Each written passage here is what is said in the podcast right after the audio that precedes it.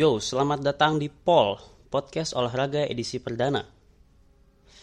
Perkenalkan, gue Wahyu Ramadan, biasa dipanggil Y, yang akan mengisi podcast ini hmm, mungkin bisa seminggu sekali atau seminggu dua kali keluarnya. Ya, yang jelas intinya podcast ini akan bahas dunia olahraga. Tentu saja ada sepak bola, uh, olahraga yang paling diminati oleh manusia di jagat raya ini. Kemudian ada olahraga lain yang gue suka yaitu selain bola ya, uh, balap. Tapi sayangnya musim balap uh, itu udah habis, terutama Formula One dan MotoGP. Tapi nggak apa-apa. Uh, untuk edisi perdana kali ini uh, gue mau bahas tentang tentu saja Premier League uh, game week yang baru aja habis semalam. Ya ini bulan Desember mulai masuk festive period di Liga Inggris yang mana dalam satu bulan uh, satu tim itu bisa bertanding sampai tujuh kali. Oke, yang pertama tentu saja big match tadi malam antara hmm, klub yang bisa dibilang the most hated club karena pendukungnya pada akhirnya itu Manchester United yang mana itu adalah klub favorit gue juga. Yang performanya akhir-akhir ini ya sangat-sangat buruk ya. Sangat-sangat buruk di mana di top 10 tim Liga Inggris MU ini tim yang paling paling kacrut defense-nya. Kemudian goal difference itu cuma juga minus satu. Gue nggak tahu ini apa hanya drama atau konspirasi Mourinho supaya dia bisa beli pemain baru di bursa transfer nanti. Paling nggak kalau berkaca dari musim lalu ini ya beda beda banget. Di mana dengan materi pemain yang sama Mourinho dengan materi back yaitu ya The Holy Chris Smalling, Phil Jones, Eric Bayi, kemudian ada Marcus Rojo, itu nggak bisa menampilkan penampilan yang konsisten gitu setiap minggunya. Bahkan di di dua game terakhir harus kebobolan dulu dua gol gitu, dua gol baru kemudian MU bisa uh, mencetak gol. Kalau ngomongin pertandingan semalam ya, ini menurut gue sih kayak bego-begoan aja sih bego-begoan antara uh, lini belakang Manchester United dan lini belakang Arsenal karena karena gol pertama Arsenal ya seperti yang kita lihat bareng-bareng uh, ada pemain Arsenal nyundul bola mantul kemudian De Gea refleks gitu. Ya gue nggak menyalahkan De Gea sepenuhnya sih karena itu karena gue kiper ya gue paham itu bola refleks dan De Gea langsung nepis gitu aja tanpa ada indikasi untuk nangkep. Nah kemudian gol gol balasannya, gol balasannya si Arsenal ini, eh sorry gol gol balasan si MU itu ya karena kecerdikan Andel Herrera aja gitu. Banyak yang bilang Andel Herrera itu offside pas uh, golnya Anthony Martial dia ngasih asis kan. Tapi kalau lo lihat lagi replaynya, memang badan dari Andel Herrera, Herrera itu udah setengah badan ngelewatin dari back Arsenal yang terakhir. Tapi tapi kalau lo lihat bolanya di replay itu, bolanya itu sebenarnya udah ditendang bersamaan dengan Andre Herrera yang udah gerak. Jadi menurut gue sebenarnya gol yang itu sah. Kalau misalnya pakai VAR mungkin ya nggak. Gue nggak tahu juga ya musim depan banyak yang pakai VAR Liga Champions juga udah mulai pakai VAR. Ya bisa diperdebatkan gitu. Eh terlepas dari hasil dua-dua itu sebenarnya gue lihat MU itu mainnya di da dalam beberapa match terakhir itu uh, ya membaik sih. Tapi apakah ini tanda-tanda akan membaik ke depannya? Ya enggak juga ya. Orang harus dibobolin dulu supaya dibobolin dulu kebobolan baru bisa ngebobol kok. Ini gimana ini? Apa namanya Mourinho memotivasi pasukannya? Menurut gue sih ya ini si Mourinho ini harusnya sebelum bertanding ya, masih di hotel gitu ya masih di hotel sebelum berangkat dari Lowry atau football hotel mungkin yang punya si Gary Neville dan kawan-kawan gitu. Sebelum berangkat ya udah dikumpulin dulu dalam satu ruangan. Ya diingetin lagi. Atau pas lagi di dressing room gitu. Oke. Okay, right now we are 2 nil down. Oke okay, sebenarnya kita ketinggalan nih 2-0 lihat itu papan skor. Nih papan skor. Jadi Mourinho ngebuat gitu ya papan skor atau seolah-olah keadaan emang udah tertinggal gitu ya 2-0 lo harus buat gol banyak. Tiga gitu misalnya. Kayak cara itu deh. Cara itu menurut gue bisa dipakai sih buat sama Mourinho untuk ya memotivasi pasukannya ini yang yang nggak layak digaji berapa miliar pound sterling per pekan ini. E, kemudian kalau ngelihat permainan MU semalam sebenarnya e, menurut gue kan Pogba itu sama-sama nggak jadi starting line up sama ketika lawan Manchester City pas kalah 1-3 di Etihad. Nah, menurut gue penampilan MU ini di Arsenal semalam itu lebih baik daripada pas lawan City. Uh, sama-sama nggak ada Pogba tapi lebih baik.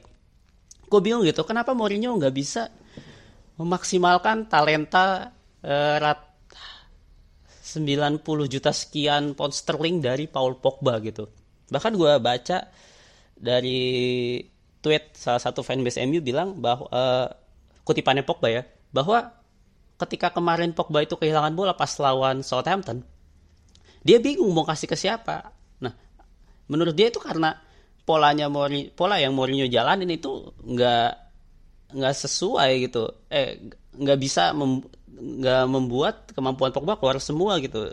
Ya udah, dia dia bingung, dia suka kehilangan bola gitu. Gue membayangkan sebenarnya uh, Pogba ini bisa dijadikan kayak Frank Lampard gitu di tahun 2004 sampai 2006 ketika seorang gelandang serang yang dipakai Mourinho begitu ganas nggak cuma pas di era Mourinho aja di era Avram Grant kemudian uh, Carlo Ancelotti atau Luis Felipe Scolari itu si Lampard ini sebagai gelandang serang sangat sangat sangat mematikan. Bahkan si Lampard seperti yang fans Chelsea tahu ya top scorer Chelsea sepanjang masa gitu.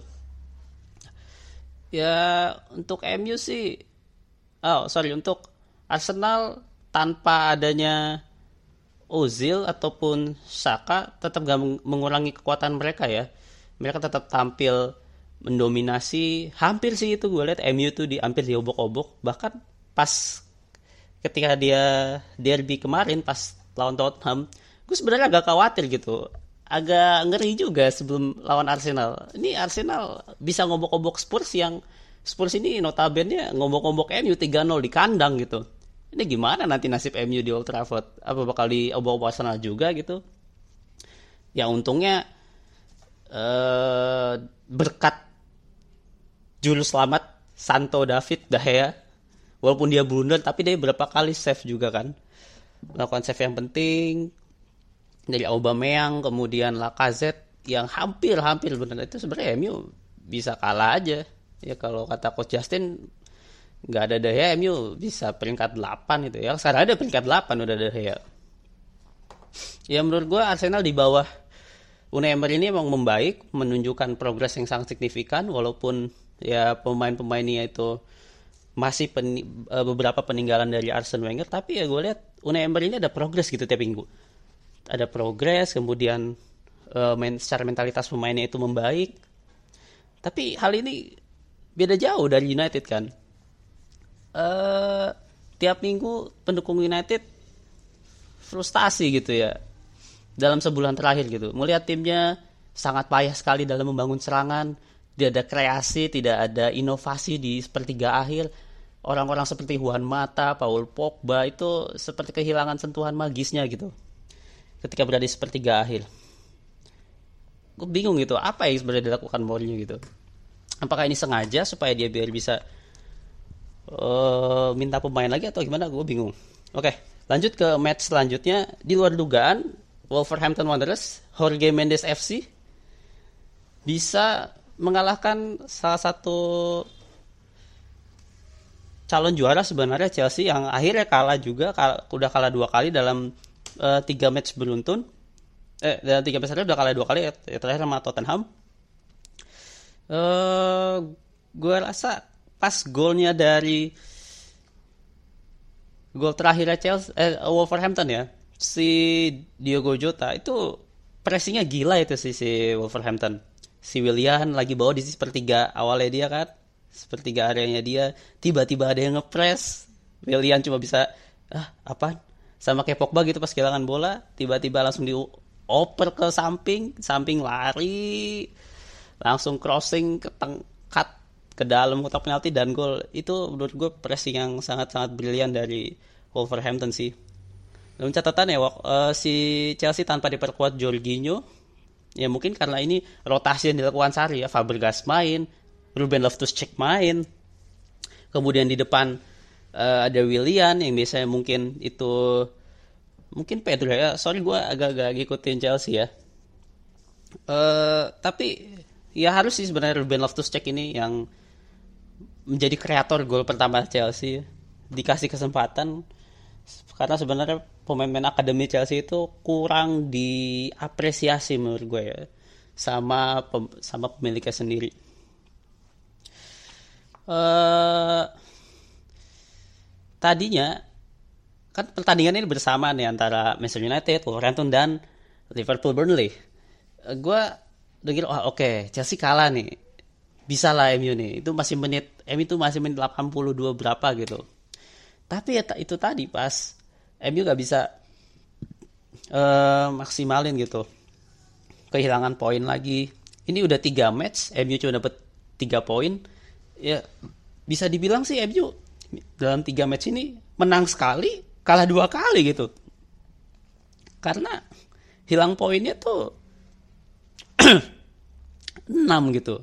Bayangin aja, dalam tiga match paling gak lu dapet tujuh lah gitu. Atau keburuk-buruknya ya dapat lima lah. Ini cuma tiga gitu. Ya bapuk aja sih ini.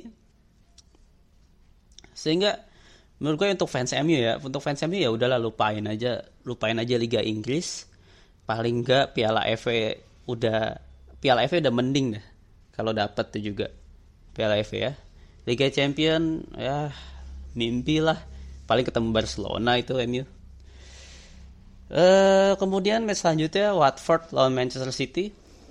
Ini match yang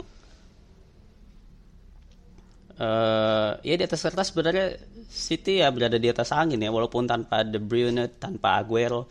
Ngomong soal Man City nih ya gue yakin para manajer FPL nih Fantasy Premier League yang yang pakai pemain-pemain dari Man City itu bingung. Tiap tiap game week itu pasti bingung ini si Pep nih bakal nurunin siapa? Apakah si Sane ataupun Sterling ataupun lihat Mahrez gitu kan? Karena gue sendiri pun pakai gitu. Gue pakai pemain FPL uh, eh, dari Man City. Gue pakai Sterling. Tapi ternyata Sterling nggak main. Oh oke. Okay. fine. For fuck's sake. Jadi ya hal ini gak lepas dari kedalaman squad yang dimiliki oleh Manchester City sih di mana lo bisa pasang Bernardo Silva juga di sayap untuk gantiin Riyad Mahrez. Di ujung tombak ada Gabriel Jesus eh, kan? Atau misalnya untuk gantiin misalnya Aguero yang lagi cedera sekarang dikira Leroy Sane atau lo mungkin bisa pasang entah siapa itu di sayap. Ya begitu dalamnya squad City sehingga dengan formasi apa pun mungkin 4-4-2 atau 4-3-3 mereka bisa aja gitu untuk beradaptasi uh, dengan lawannya ya ini satu hal yang gue salut sih sebenarnya dari Guardiola walaupun ada beberapa pundit bilang dia misalnya menemukan lawan yang uh, parkir bus kemudian dia kesulitan dan tidak ada plan B, plan C untuk menanggulangi itu. Jadi menurut gue Guardiola ini ya pelatih yang cepat cepat dan mau belajar gitu. Di mana pun dia di Spanyol, di Jerman dan sekarang di Inggris, pendekatan-pendekatan taktik ini berhasil gitu. Ya balik lagi itu Mourinho hilang kayak gitu berhasil di Spanyol, Italia, Inggris dulu tapi sekarang bapuk gitu ya. Uh, lanjut lagi ke match selanjutnya yang menurut gue menarik yaitu Liverpool dan Burnley. Tadinya gue juga ada seneng gitu, oh Burnley nyetak gol. Oke, Jack Cork kan oh, pertama unggul nih. Oke, Burnley kan susah gitu ya.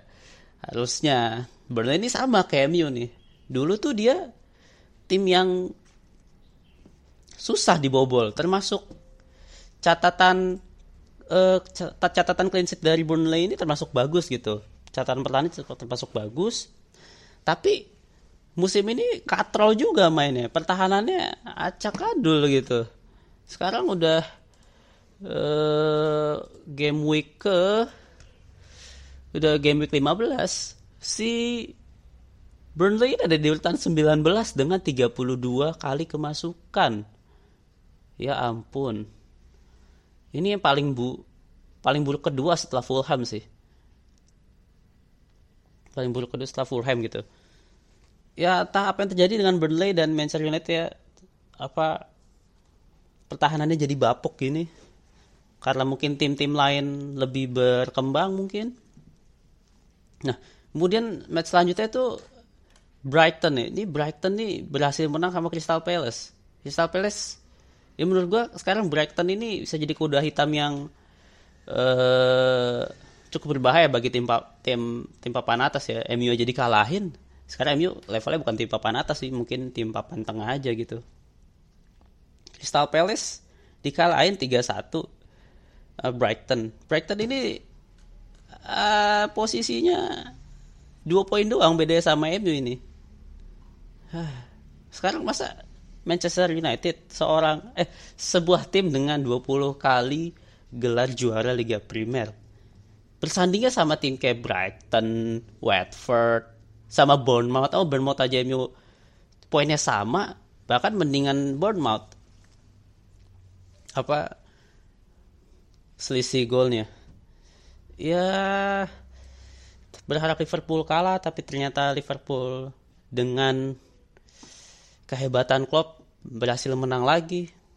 Kalau gue lihat di Twitter dari uh, Bleacher Report sih ini termasuk bukan termasuk ini adalah stat terbaik Liverpool sepanjang masa dia uh, berdiri sih sebagai sebuah klub di kasta Liga Inggris uh, eh, 15 game week dengan catatan 12 menang 3 kali seri sih. Dan catatan kebobolan Liverpool tuh paling sedikit ternyata di Liga Inggris musim ini. Wah, ini calon juara. Sebenarnya hal yang gak mengenakan sih ini. Liverpool calon juara. Ya, tapi mau apa mau dikata, itulah uh, recap singkat dari Liga Inggris di game midweek ini.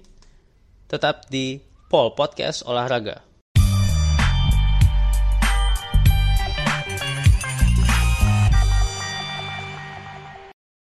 Balik lagi di Pol podcast olahraga bersama gue Y. Uh, dari Liga Primer Inggris. Sekarang kita ke olahraga dalam negeri. Uh, ada berita nih dari Detik bahwa Kemenpora akan kembali memberikan bonus untuk atlet berprestasi. Ya, ini termasuk berita yang menyegarkan gitu ya bagi insan olahraga di tanah air ya sebagaimana kita tahu banyak orang tua yang hmm, bisa dibilang khawatir gitu ketika misalnya anaknya memutuskan untuk jadi atlet profesional di sebuah cabang olahraga.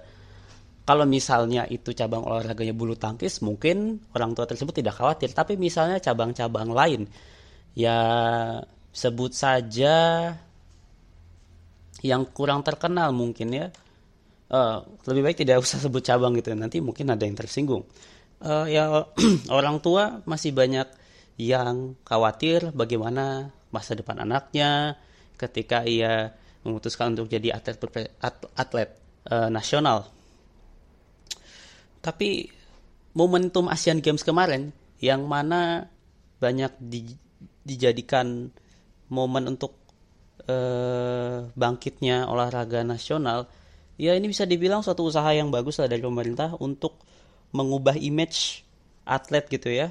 Bahwa jika atlet tersebut benar-benar punya prestasi yang bisa dibanggakan ya dia mampu gitu untuk e, menjamin masa depannya bahkan Kemenpora pun sudah menyiapkan jalur khusus PNS untuk atlet yang yang berprestasi. Seperti kemarin kita lihat ada Kevin dan juga Markus ada Antoni Sinisuka Ginting kemudian Jonathan Christie. Mereka ikut tes CPNS walaupun tidak ada ambang batasnya ya. Mungkin tes hanya formalitas saja.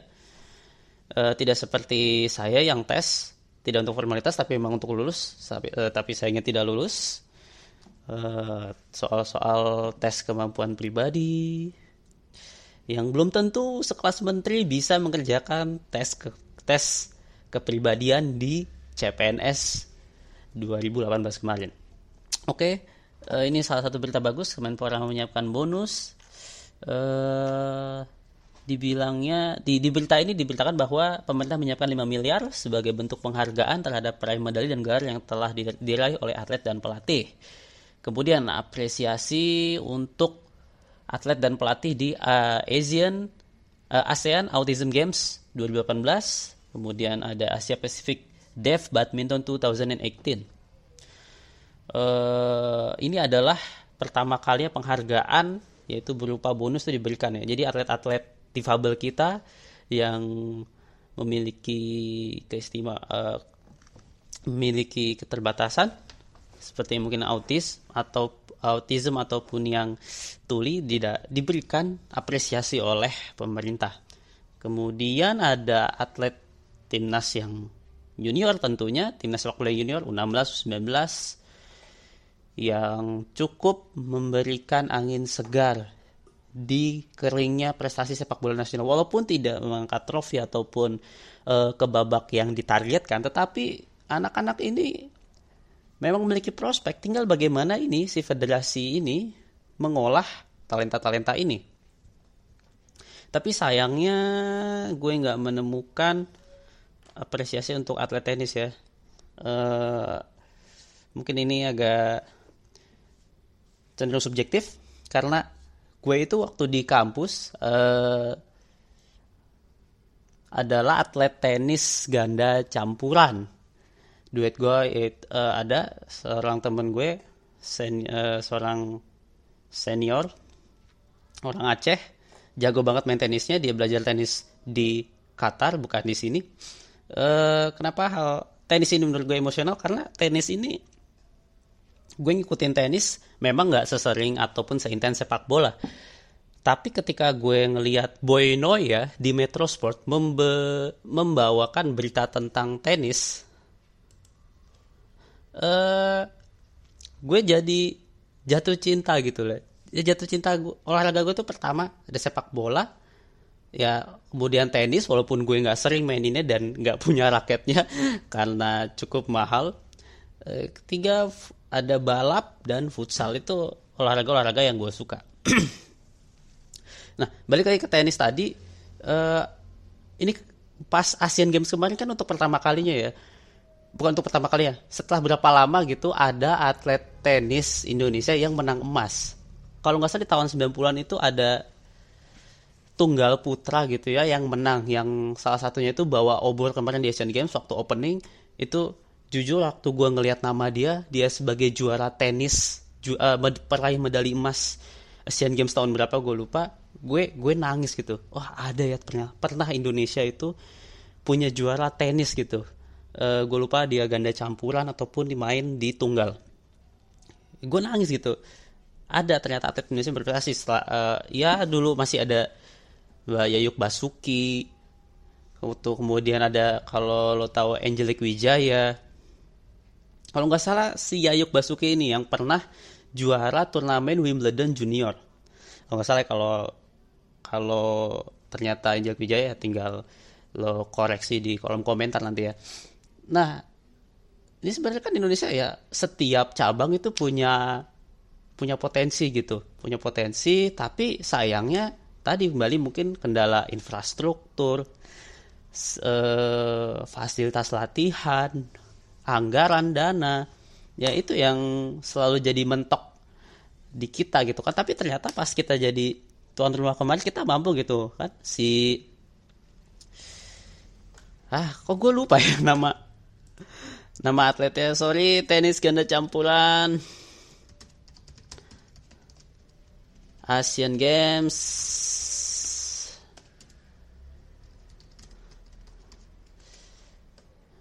Atlet kita yaitu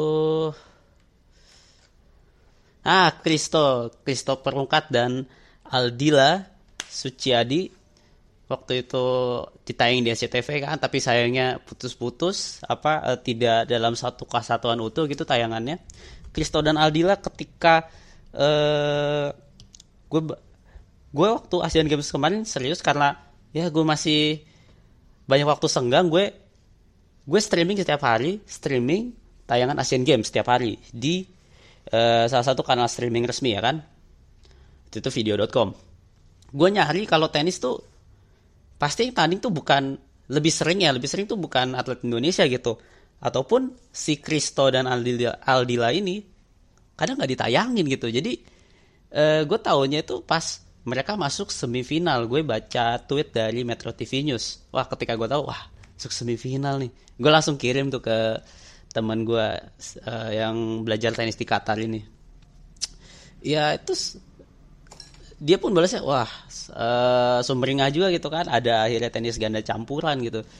Tenis ganda campuran dari Indonesia ya udah lama nggak berprestasi di cabang ini masuk gitu untuk uh, Asian Games 2018 oh ya uh, satu hal lain kenapa tenis ini emosional buat gue? Ya waktu gue kuliah dulu gue juara dua kali sih fakultas sama si teman gue ini. Dua kali pas tahun kedua itu uh, lumayan ketat lah ya apa namanya pertandingannya sehingga ya cukup memorable bagi gue sayangnya pas tahun terakhir gue sama dia main uh, kalah di semifinal sehingga uh, ya agak kecewa juga sih waktu itu. Gagal juara untuk terakhir kalinya bareng dia. Nah balik lagi ke tenis ganda campuran ini tiba-tiba uh, namanya hilang setelah juara kemarin. Sayang banget ya kita nggak tahu sepak terjangnya uh, atlet-atlet tenis kita gitu. Apakah uh, tenis ini termasuk olahraga yang mahal elit gitu mungkin? Hmm, bisa jadi kali ya. Uh, karena yang gue lihat profil-profil orang pemain tenis ya ya mungkin gue cuma menggeneralisasi mohon maaf. Uh, mungkin ada di kalangan menengah ke atas gitu.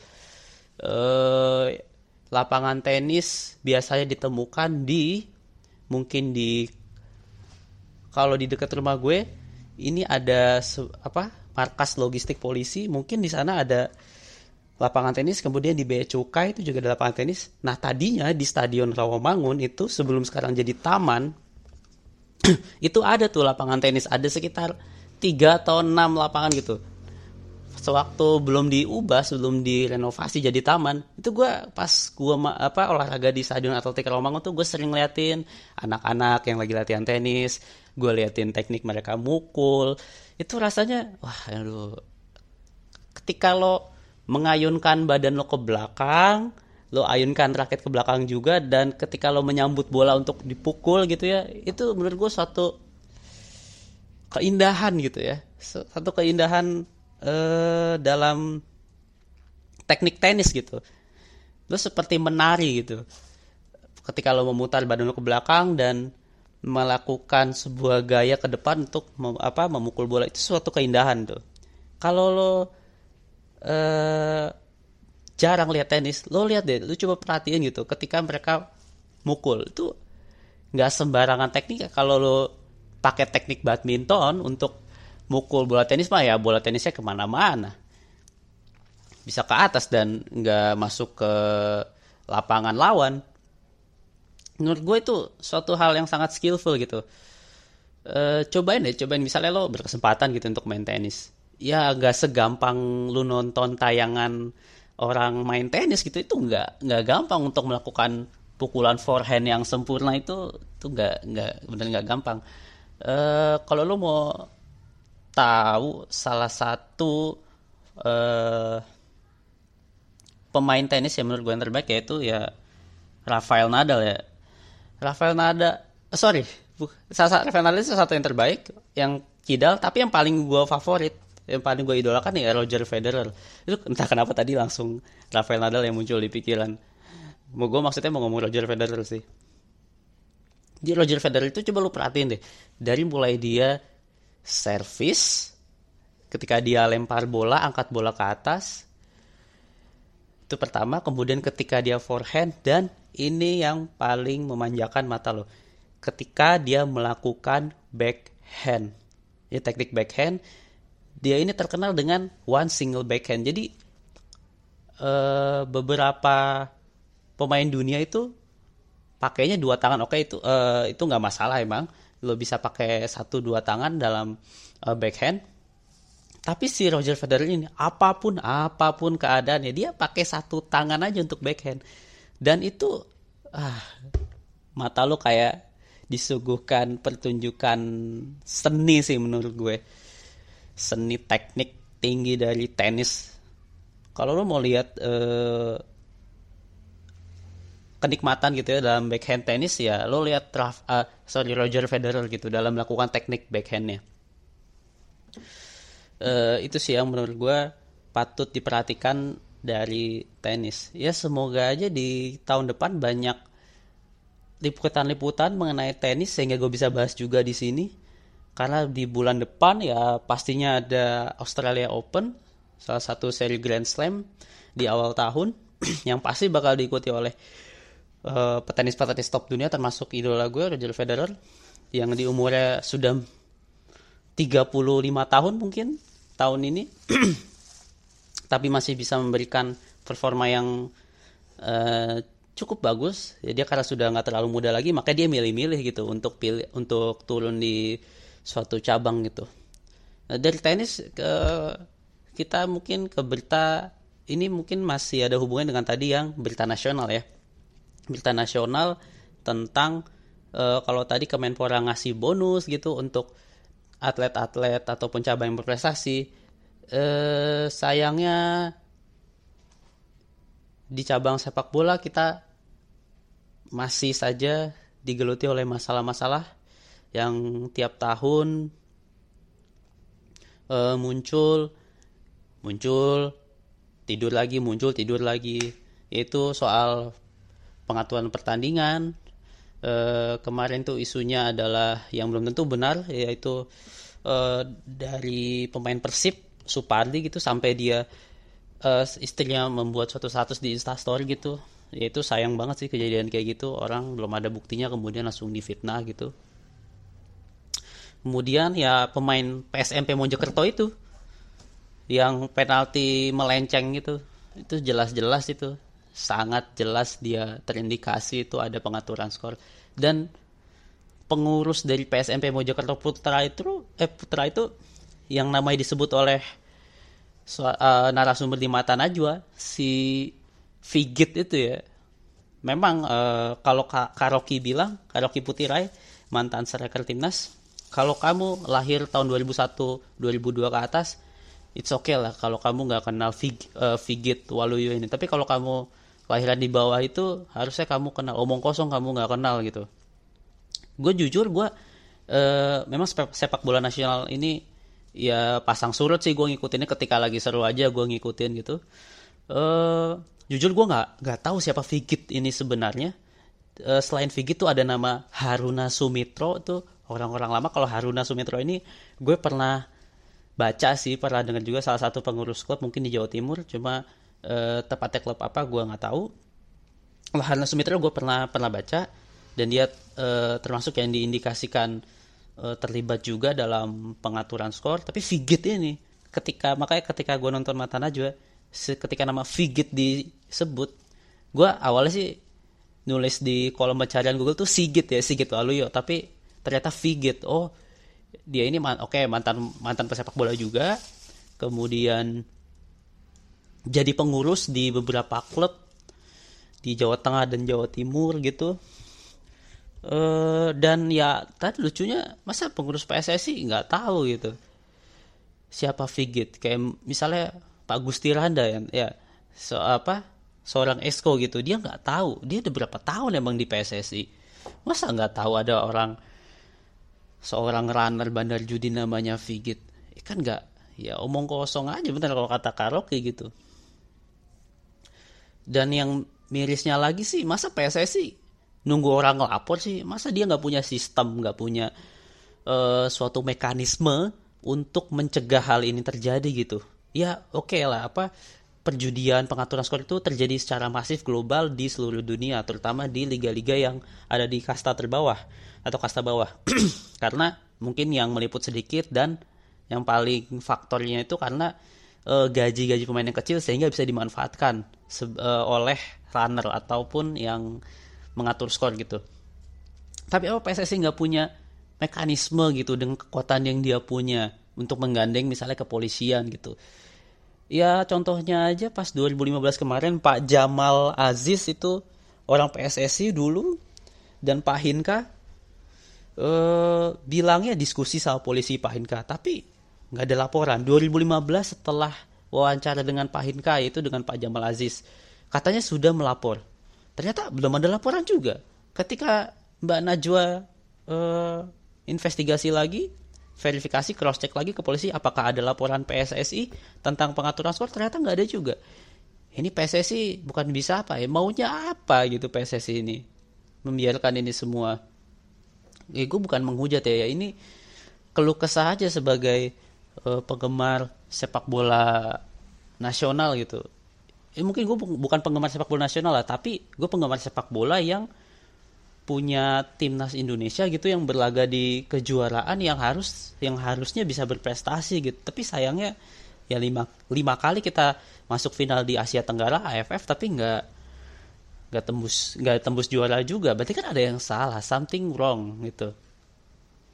Dari zaman PSSI Pak Azwar Anas mungkin Pak Malui Pak Malui Selan Agung Gumelar Nurdin Halid Johar Arifin Lanyala ya emang ternyata emang gak ada perubahan gitu kan. E, ini di ini dibiarkan aja oleh PSSI gitu. Ya e, menukil dari kakak Rocky ya mungkin cara paling mudah kita boykot. Mungkin biar para pengurus itu sadar kita boykot aja gitu ya. Sepak bola nasional mungkin. E, dengan cara mungkin ya udah tidak usah datang ke pertandingan gitu kalau tuh misalnya ter, e, terbukti ada pengaturan skor dan juara liga misalnya yang lebih parah. Sudah misalnya ditentukan sebelum bola ditendang itu kan parah banget. Bahkan kalau kakak Rocky bisa e, berani taruhan bahwa Persija juara Persija Jakarta akan juara akhir musim ini. Apa pun e, hasilnya nanti Persija akan juara. Itu kan suatu hal yang miris gitu ya kalau kita tahu. Sehingga kakak Rocky memilih ya udah nggak pernah nonton bola lagi. Ya itu mungkin salah satu hal yang paling mudah untuk dilakukan ya sebagai bentuk protes kita terhadap federasi terhadap PT Liga eh, tentang bobroknya persepak bolaan nasional ini. Ini sayang aja sih ada eh, kita memiliki basis masa yang besar eh, pendukung yang sangat-sangat fanatik sehingga tim juniornya pun harus dibeban. Buk, uh, kita bukan membebankan ya tapi sangat mana ya mana ada ya kan tim junior di negara mana pun yang pendukungnya yang satu satu satu stadion tuh bisa penuh gitu untuk mendukung. Kalau nggak karena oh timnas junior ini punya prospek yang lebih menjanjikan untuk juara dibanding dengan seniornya gitu. Ya solusi simpelnya menurut gue kalau bukan datang dari PSSI ya dari kita. Kita kan nggak bisa memprotes PSSI harus begini harus begitu. PSSI harus mengubah dirinya sendiri itu sadar. Oh kalau mereka nggak ada kesadaran ya cuma mau ngeruk duit doang ya bakal begini-gini aja kan. 5, 10, 20 tahun yang akan datang.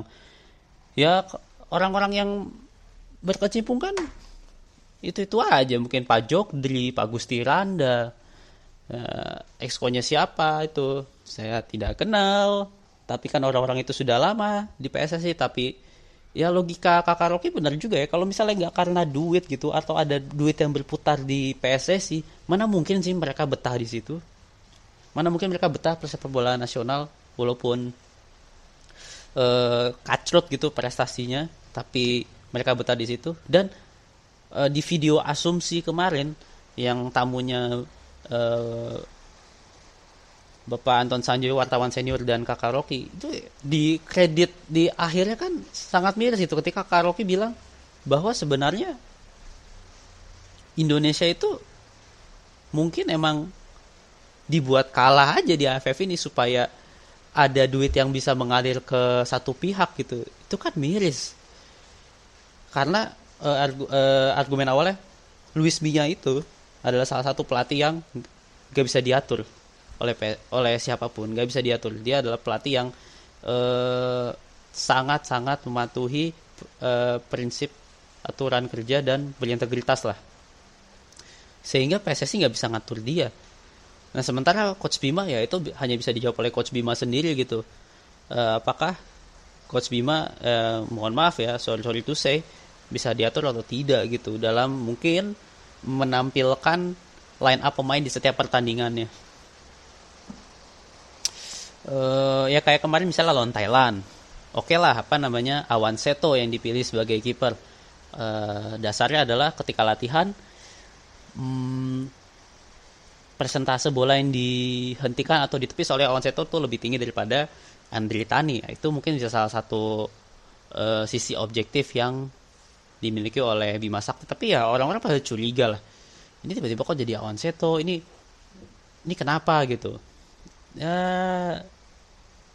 itulah ya. Jadi solusi gue ya mungkin boykot aja gitu ya. Kayak kemarin itu tadinya gue pengen tertarik gitu untuk nonton pertandingan Liga 2 gitu ya. Biasanya Liga 2 agak uh, dengan tackle-tackle yang brutal yang di luar akal sehat kadang tuh uh, gue kadang kalau tahun lalu gue tertarik gitu nonton untuk nonton playoffnya semifinal dan final. Tapi ketika kasus ini muncul eh, gue jadi males gitu untuk nonton buat apa. Bahkan Persita lawan Kalteng Putra ribut ya kan?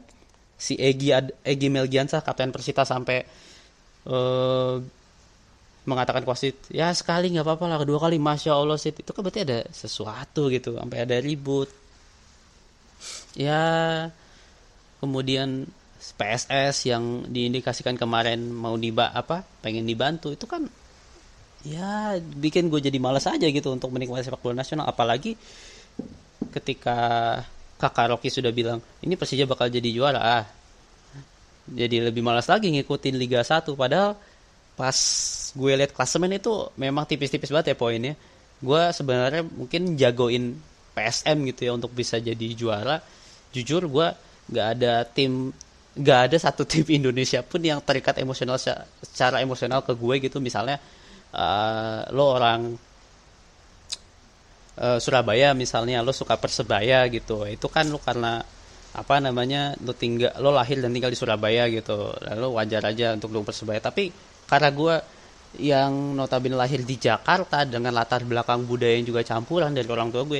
Gue nggak merasakan ada satu ikatan emosional gitu dengan klub tertentu. Bahkan dengan Persija pun uh, gue ngerasa gak ada ikatan emosional apa pun gitu walaupun gue lahir dan besar di Jakarta gitu.